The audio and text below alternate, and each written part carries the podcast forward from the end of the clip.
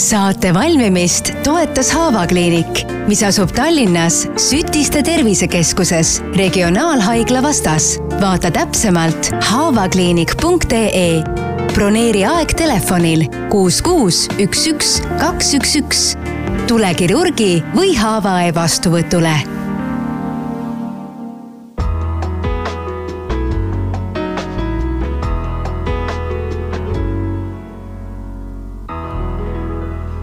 tervist teile, head kuulajad!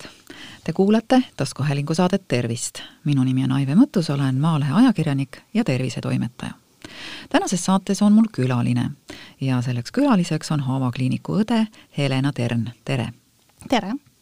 no teie ametikoha nimetusest võib juba aru saada, et me hakkame rääkima haavadest ja on üsna tõenäoline, et kõik me puutume oma elu jooksul haavadega kokku.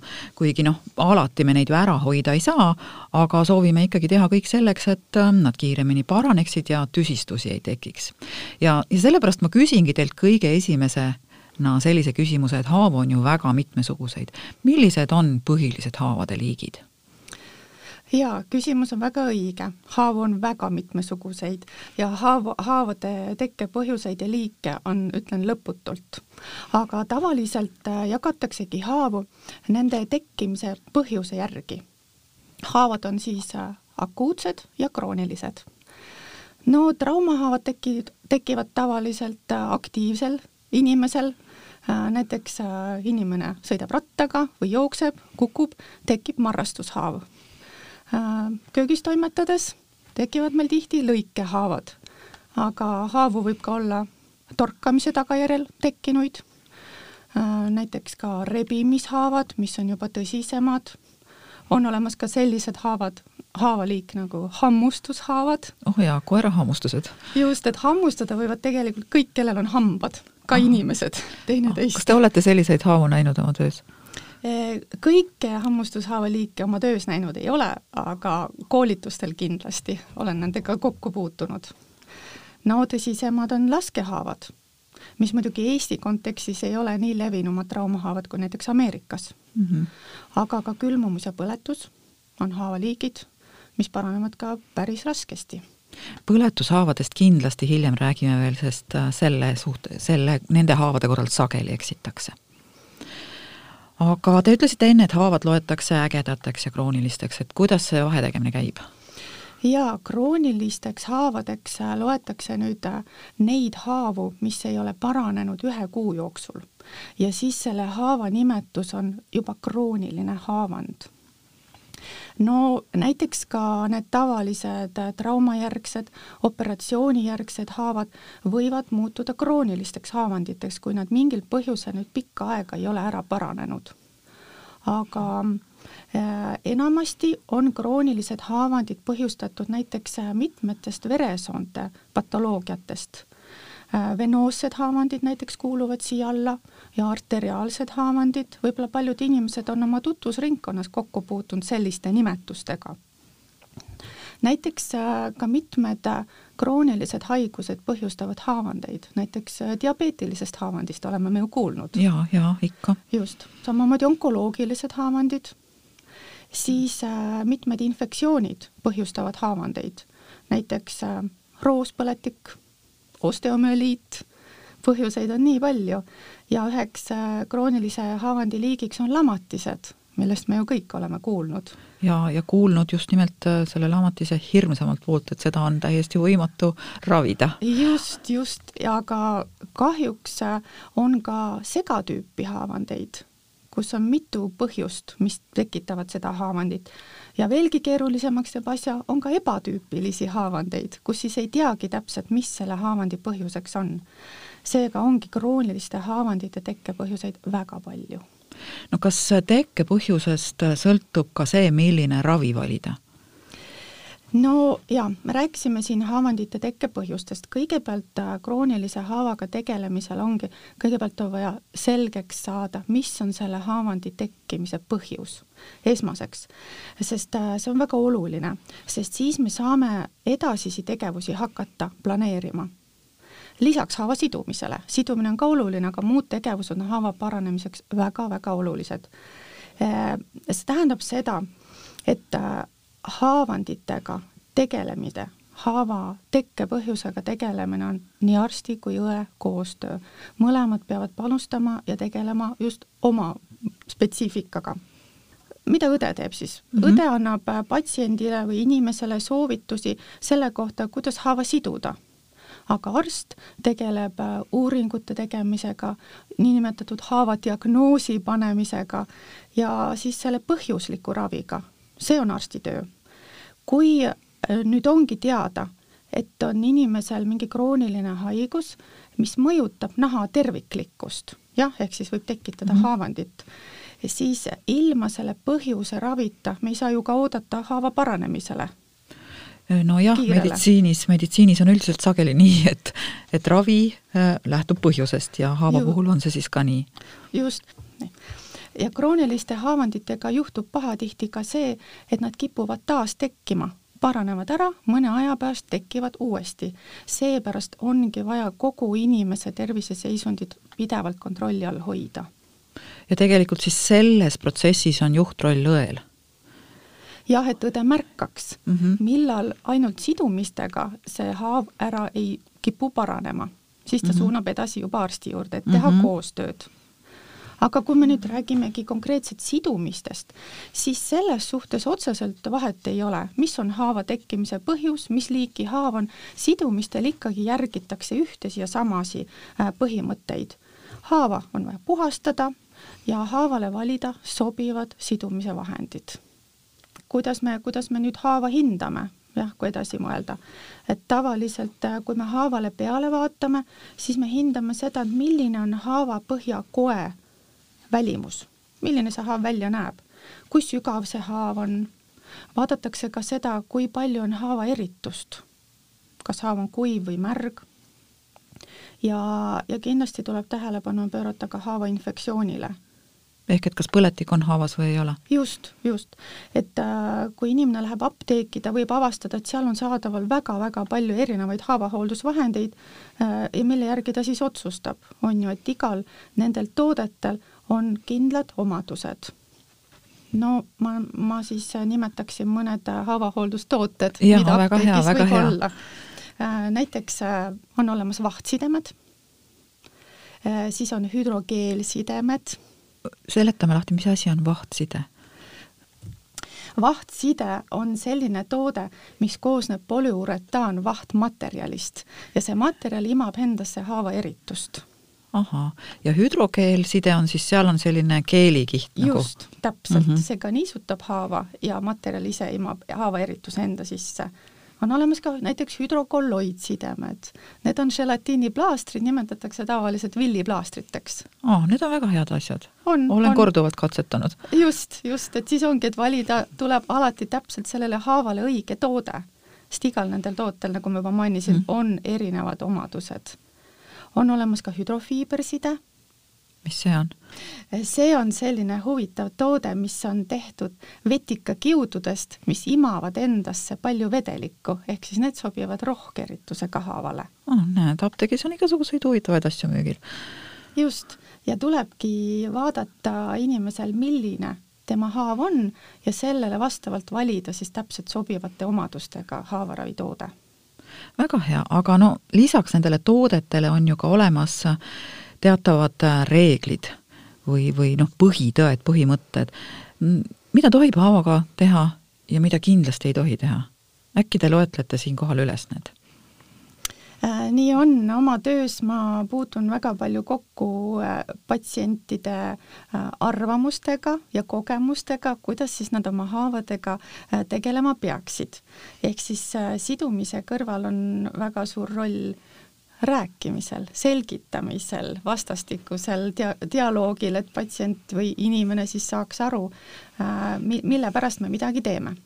Nii, räägime siis kõigepealt sellest, äh, kuidas tuleb haavaga tegutseda mm. -hmm kõigepealt ma julgustaksin inimest, et duši all võib igat haava pesta. see ei ole öö, võimalus, vaid see on lausa tugev soovitus, et haavad tuleks pesta miks tuleks pesta? Eh, vesi puhastab haava ja niisutab haava ja see on haava paranemisele väga olu-, oluline. In-, inimesel tuleks äh, kindlasti järgida seda põhimõtet, et kui ta läheb pessu, side tuleb haavalt enne ära võtta. et siis äh, ei läheks koos sidemega duši alla, ei paneks kilekotti sideme peale, et vee kasulikud omadused saaksid toimida.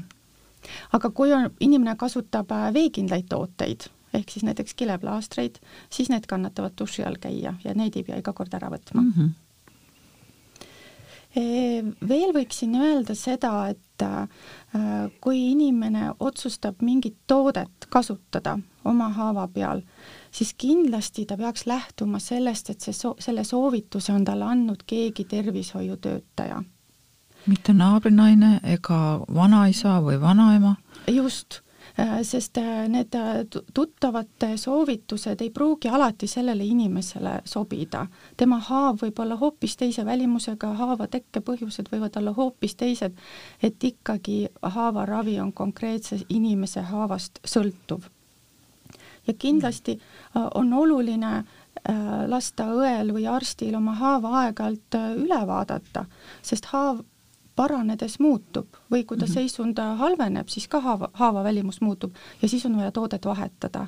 ehk siis äh, töötaja oskab inimesele soovitada sellise toote, mis just temale antud ajahetkel kõige paremini sobib. nii, no need on asjad, mida tohib teha, aga mida kindlasti ei tohi teha? või jäi midagi ütlemata meile? Äh, ma tahaksin äh, inimestele kindlasti veel rõhutada seda, et sidumisel tuleb alati säilitada puhtus. see on väga-väga oluline. Äh, mis inimene siis saab selle jaoks teha? kätepesu. Äh, kui ta soovib, võib kasutada kaitsekindaid, äh, puhtaid aluspindu kindlasti on vaja tagada, aluslinad, mida patsient omale suudab puhtaks, puhtaks pinnaks moodustada ja ühekordsed sidemevahendid Need äh, nüansid on väga olulised, sest need aitavad ära hoida haava saastumise. kas see side, mis pannakse vahetult äh, haava pinna peale või siis ütleme sinnapoole, haavapinna poole, kas see peab alati olema steriilne? kodustes tingimustes ta võib olla tehaspuhas, haigla tingimustes peab olema steriilne. Mm, selge. nii, aga nüüd siis mida ei tohi teha? kindlasti kohe mitte. Äh, üks kõige tavalisem vestlus, mis meil patsientidega on, see, et kas haav peab olema seotud või lahtiselt. mina ei soovita kindlasti haava hoida lahtiselt. Äh, sellepärast, et äh, sidemeta haava sisse võivad väliskeskkonnast sattuda mikroobid äh, tihtilugu inimesed arvavad, et haava peab hoidma lahtiselt, et haav tahab ju hingata. jaa, aga see on üsna levinud seisukoht. just, aga, aga see on müüt. sellepärast, et inimene hingab ikkagi kopsude kaudu, mitte haava kaudu ja probleem on see, et äh, kui haav on ilma sidemeta, äh, õhu käest hakkab kuivama, ta hakkab just nagu kiskuma, see võib põhjustada haavavalu inimesele. lisaks infektsiooni oht väljastpoolt mm -hmm. tulevatest mikroobidest e. puhastamise suhtes äh, ma ütleksin inimestele ka, et ärge kasutage haava peal piiritust, viina, vesinikku, need on need ained, mis tihtipeale inimestel kodus on jaa, ja nad on ausalt öeldes ka harjunud minu meelest neid kasutama, kas see on jälle müüt? Äh, just, et see, et nad on äh, niisugused kanged ja kipitavad, ei tähenda, et teistel siis toimet ei ole. et tänapäeval on välja töötatud kaasaegsed ja tõe, teaduslikult tõestatud äh, haavapuhastusvahendid. ja nende kasutamine aitab kaasa haava paranemisele väga hea, aga no kui tõesti mitte midagi äh, käepärast ei ole, siis on vist esimene vahend vesi just, voolava vee all haava puhastamine on alati hea ja soovitatav. nüüd, kui inimesed vaatavad, mis meil, mis neil kodus leida on või koduaias, siis äh, juhtuvad ka sellised olukorrad, et inimesed kasutavad rahvameditsiinitooteid. no teeleht, esimene asi tunneb, tuleb pähe. just, teeleht, kapsaleht, aaloed on need, mis, mis inimestel on väga-väga teada-tuntud äh, taimed haavade ravimiseks küll ei ole nendel piisavat toimet. et tervel nahal ei tee nende kasutamine mitte midagi halba, aga kui on inimesel juba nahahaav, siis on kindlasti vaja kasutada spetsiaalselt just haavaraviks mõeldud tooteid. ja minu soovitus rahvameditsiini kohta on selline, et saialill käib vaasi ja pits klaasi. väga hea soovitus, nii et seda on hea ka meelde jätta nagu luuletus peaaegu.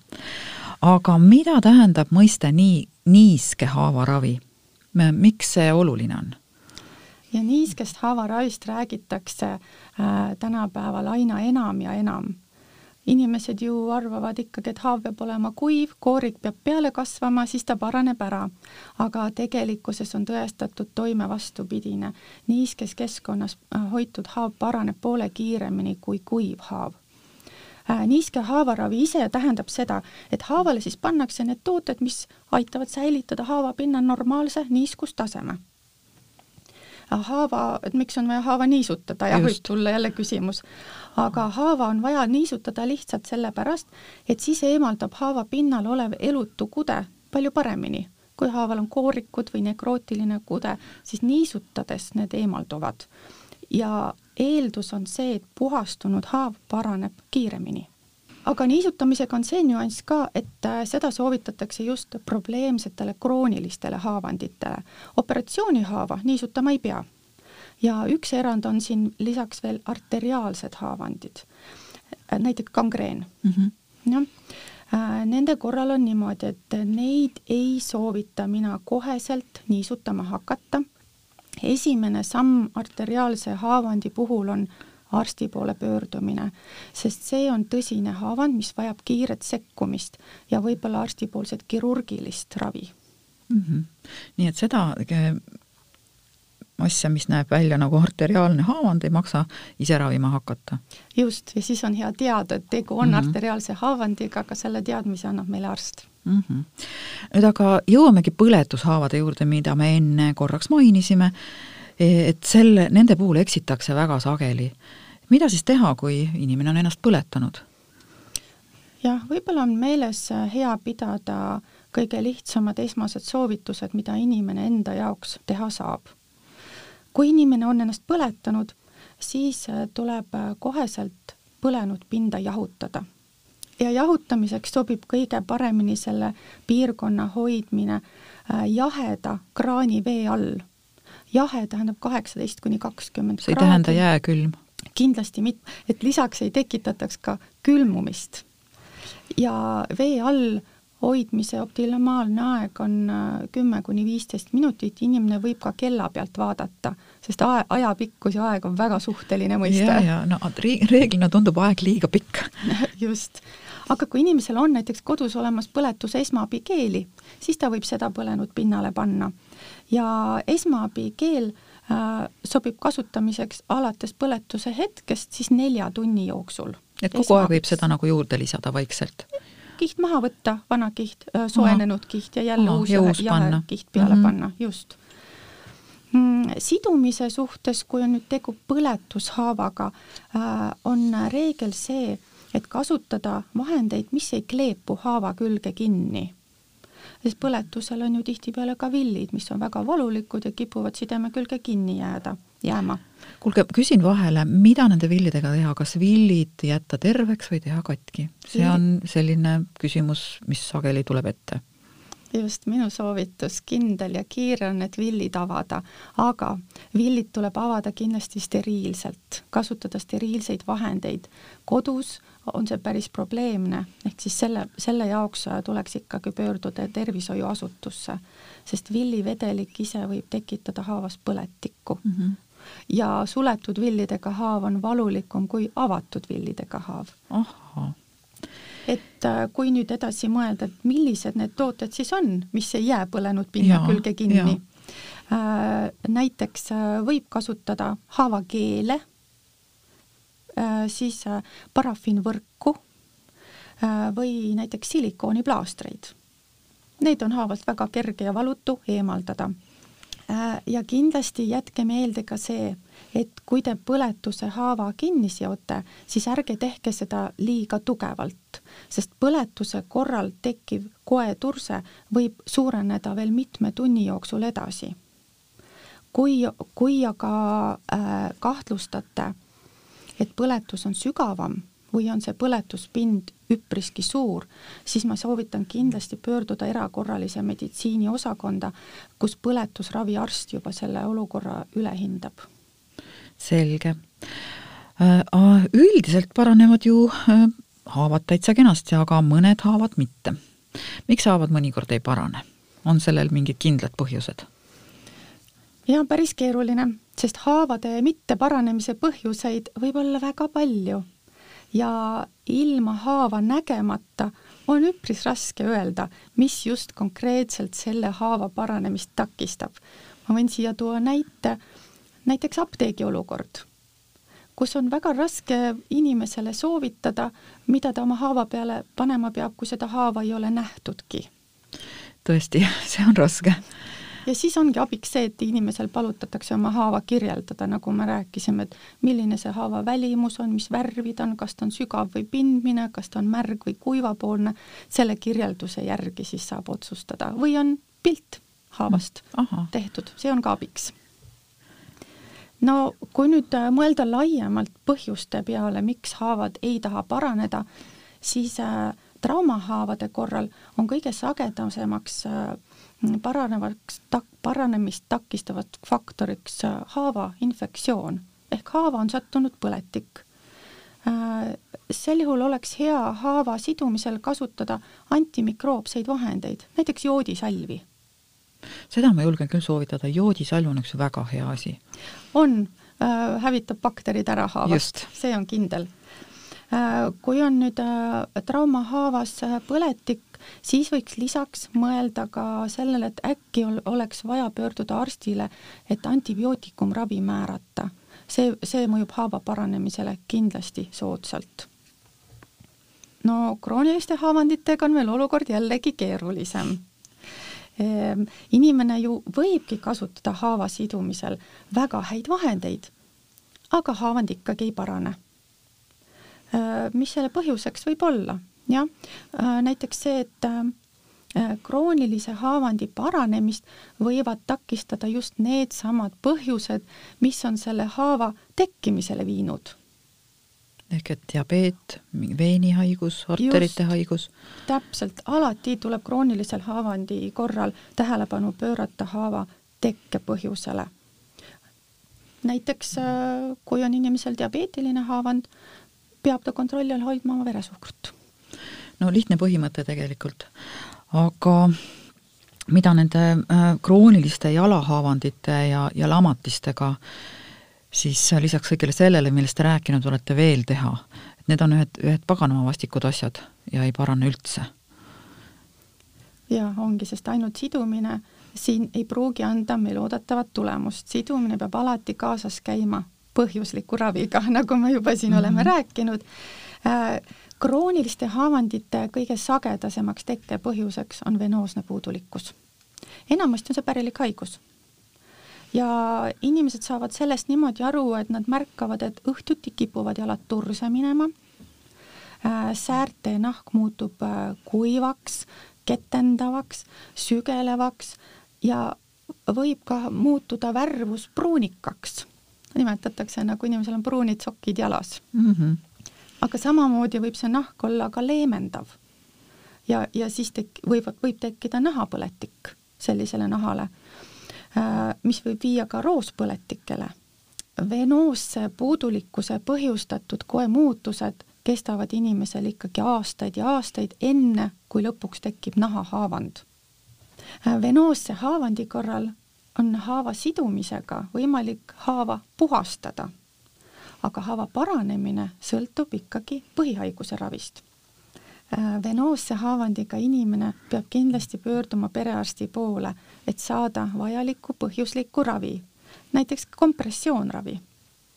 perearst võib otsustada, et suunab patsiendi edasi eriarsti juurde, näiteks fleboloogi juurde ja juba eriarst võib äh, näha, et vajalik on edasine invasiivne ravitaktika. Ehk siis äh, teisisõnu, kas see tähendab operatsiooni? just operatsiooni või mingit protseduuri veenidega mm. -hmm. aga lamatised, mida, mida nendega teha?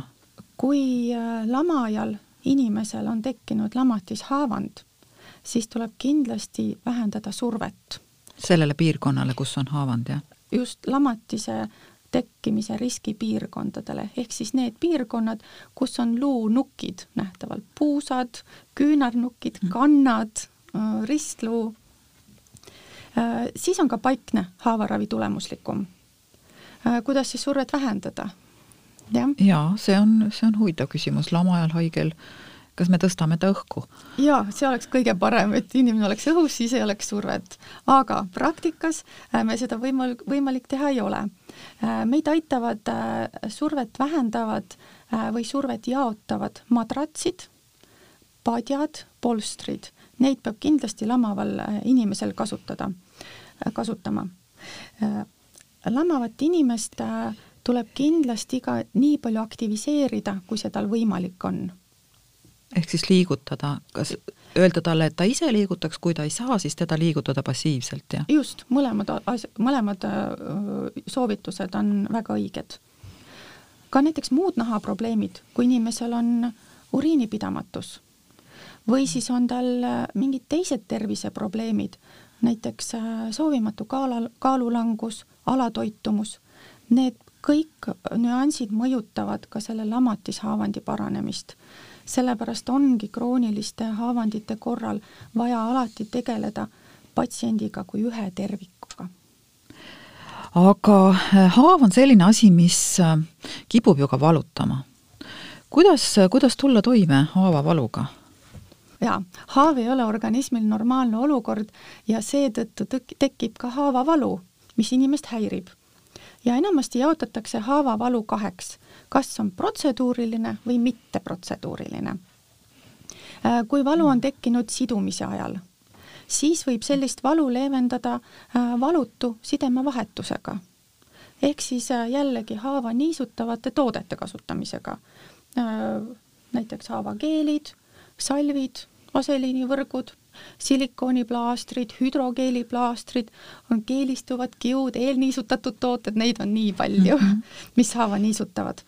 kui aga haav valutab äh, ka siis, kui seda mitte mingil moel ei häirida, ei häirita, siis äh, tuleks kaaluda valuvaigistite võtmist mõned haavandid, just näiteks needsamad arteriaalsed haavandid, põhjustavad väga tugevaid valusid ja enamasti tekib haavavalu õhtuti, mis siis ei lase inimesel uinuda. Äh, minu oma praktikast võin öelda ma seda, et paljud inimesed ei soovi valuvaigisteid võtta, sest nad tarvitavad niigi väga palju ravimeid. aga nendele tuleks ikkagi meelde tuletada seda, et valu kannatamine, pidev valu halvendab inimese elukvaliteeti ja haavavalu tuleks hoida nii madalal, et see inimese igapäevaelu liigselt ei häiriks. Äh, juhul, kui inimene nüüd tarvitab valuvaigistit, aga valu sellegipoolest ei leevendu. vahel juhtub ja siis ta peab ikkagi pöörduma uuesti oma perearsti poole valuravi korrigeerimiseks mm. -hmm. ja äh, tuleks ka meeles pidada seda, et kui kroonilise valu puhul võtta valuvaigistit ainult siis, kui valu tekib, kui valu on juba väga tugev, siis ei piisa, ei pruugi valuvaigisti piisavat toimet avaldada. ehk siis valuravi peaks olema mm, regulaarne, näiteks kolm korda päevas mm. -hmm. siis on tekkiv valu väiksem nüüd me oleme tegelikult terve selle saate vältel rääkinud erinevatest haavahooldusvahenditest. ja noh, kui see haav tekib, siis äh, tegelikult on juba hilja apteeki tormata. et millised asjad peaks koduses apteegis minimaalselt olemas olema, kui mõelda sellele, et, et mingisugusel hetkel võib meil haav tekkida, no lõikame noaga näppu ja see on väga hea soovitus, sest mingi koduapteek peab inimesel kindlasti olema ehm, mis tooted seal võiksid olla? näiteks äh, esmased sidumisvahendid võiksid seal ka kindlasti olla. et tihtipeale tule, tulevadki need plaastrid inimesel meelde alles siis, kui on näppu lõigatud või kui viimane plaaster on juba otsa saanud. Ehm, no äh, soovitaksin kõigepealt üle vaadata, et apteegis, koduapteegis oleks olemas Äh, mingisugune veebaasiline haavapuhastuslahus. see ei tee valu, aga on siiski põletikuvastase toimega. ja haava puhastamiseks äh, sobivad siis apteegis saadaolevad steriilselt pakendatud marlitampoonid. Äh, mida veel haava haavaravi äh, suhtes mõelda, on see, et võiks valida mingi universaalse toote, mida võib igale haavale panna mm. -hmm. Edasi siis saab otsustada juba, mis haavaga edasi teha. selliseks vahenditeks võibki olla näiteks joodisalv või haavakeel, sest need mõlemad puhastavad ja niisutavad haava. ja lisaks ma veel soovitan, et kuidas siis haava fikseerida või millega neid tooteid katta. täiesti tavalised plaastrid, sidemed võiksid ka olla inimesel äh, kodus erinevatest suurustest, et siis äh, inimene saaks valida täpselt sobiva suurusega ja sobiva äh, materjaliga mm. plaastri omale või sideme ja, ja, ja ma veel tahaksin juurde rääkida sellest, et Eestis on meil ju arenemas telemeditsiin. jaa ja, ja, ja see võimaldab inimesel saada kaugkonsultatsiooni kodus haavast tehtud pildi alusel kuulge, see on küll väga huvitav teave, et see tähendab seda, et ma teen noh, telefoniga näiteks teen oma haavast pildi ja saadan siis, kuidas ma selle teile saadan haavakliinikusse meili teel? ja, inimene võib tutvuda haavakliiniku kodulehel oleva infoga ja seal on kõik kirjas, kuidas ta saab meile pilti saata aa, väga hea. ja ka Haava kliinikusse võib muidugi ka kohale tulla mm. -hmm. aga kuidas on Haava kliiniku kodulehe aadress? see ongi väga lihtne, haavakliinik.ee. selge. Äh, aga nüüd äh, ma usun, et tänase saate viimane küsimus, kui inimene ise kodus oma haavadega hakkama ei saa, siis millised on need juhud, millal kindlasti peab arsti poole pöörduma? kõige kindlam soovitus on see, et äh, kui haavas on tekkinud põletiku tunnused siis ta peaks arsti või õe poole pöörduma. lisaks, kui haava paranemine on peatunud mingil põhjusel või haav hoopis süveneb. Arsti või õe vastuvõtule võib inimene pöörduda ka lihtsalt selleks, et teada saada, millega oma haava siduma peab. või juhul, kui tal ei ole kuidagi võimalik kodus oma sidumisi korraldada. Aga jällegi rõhutaksin ma seda, et mingite krooniliste haigustega inimesed peaksid oma haava tervishoiutöötajatele ikkagi regulaarselt näitamas käima, sest siis saab hinnata haava paranemise dünaamikat ja vajadusel ka ravis muudatusi teha Nonii, head kuulajad, te kuulasite taskuhäälingu saadet Tervist. tänases saates oli meil külas haavakliiniku õde Helena Teern. suur tänu teile! ja mina soovin palju tervist kõigile! Saate leiate Delfi podcastide pesas tasku, nutirakenduste Spotify, Apple Podcast, SoundCloud ja teised. hakake jälgijaks ja kuulake just teile sobival ajal. Ettepanekuid teemade kohta, mida saates käsitleda, ootan teilt e-posti teel aadressil tervist.maaleht.ee. minu nimi on Aive Mõttus, olen Maalehe ajakirjanik ja tervisetoimetaja. tervist teile!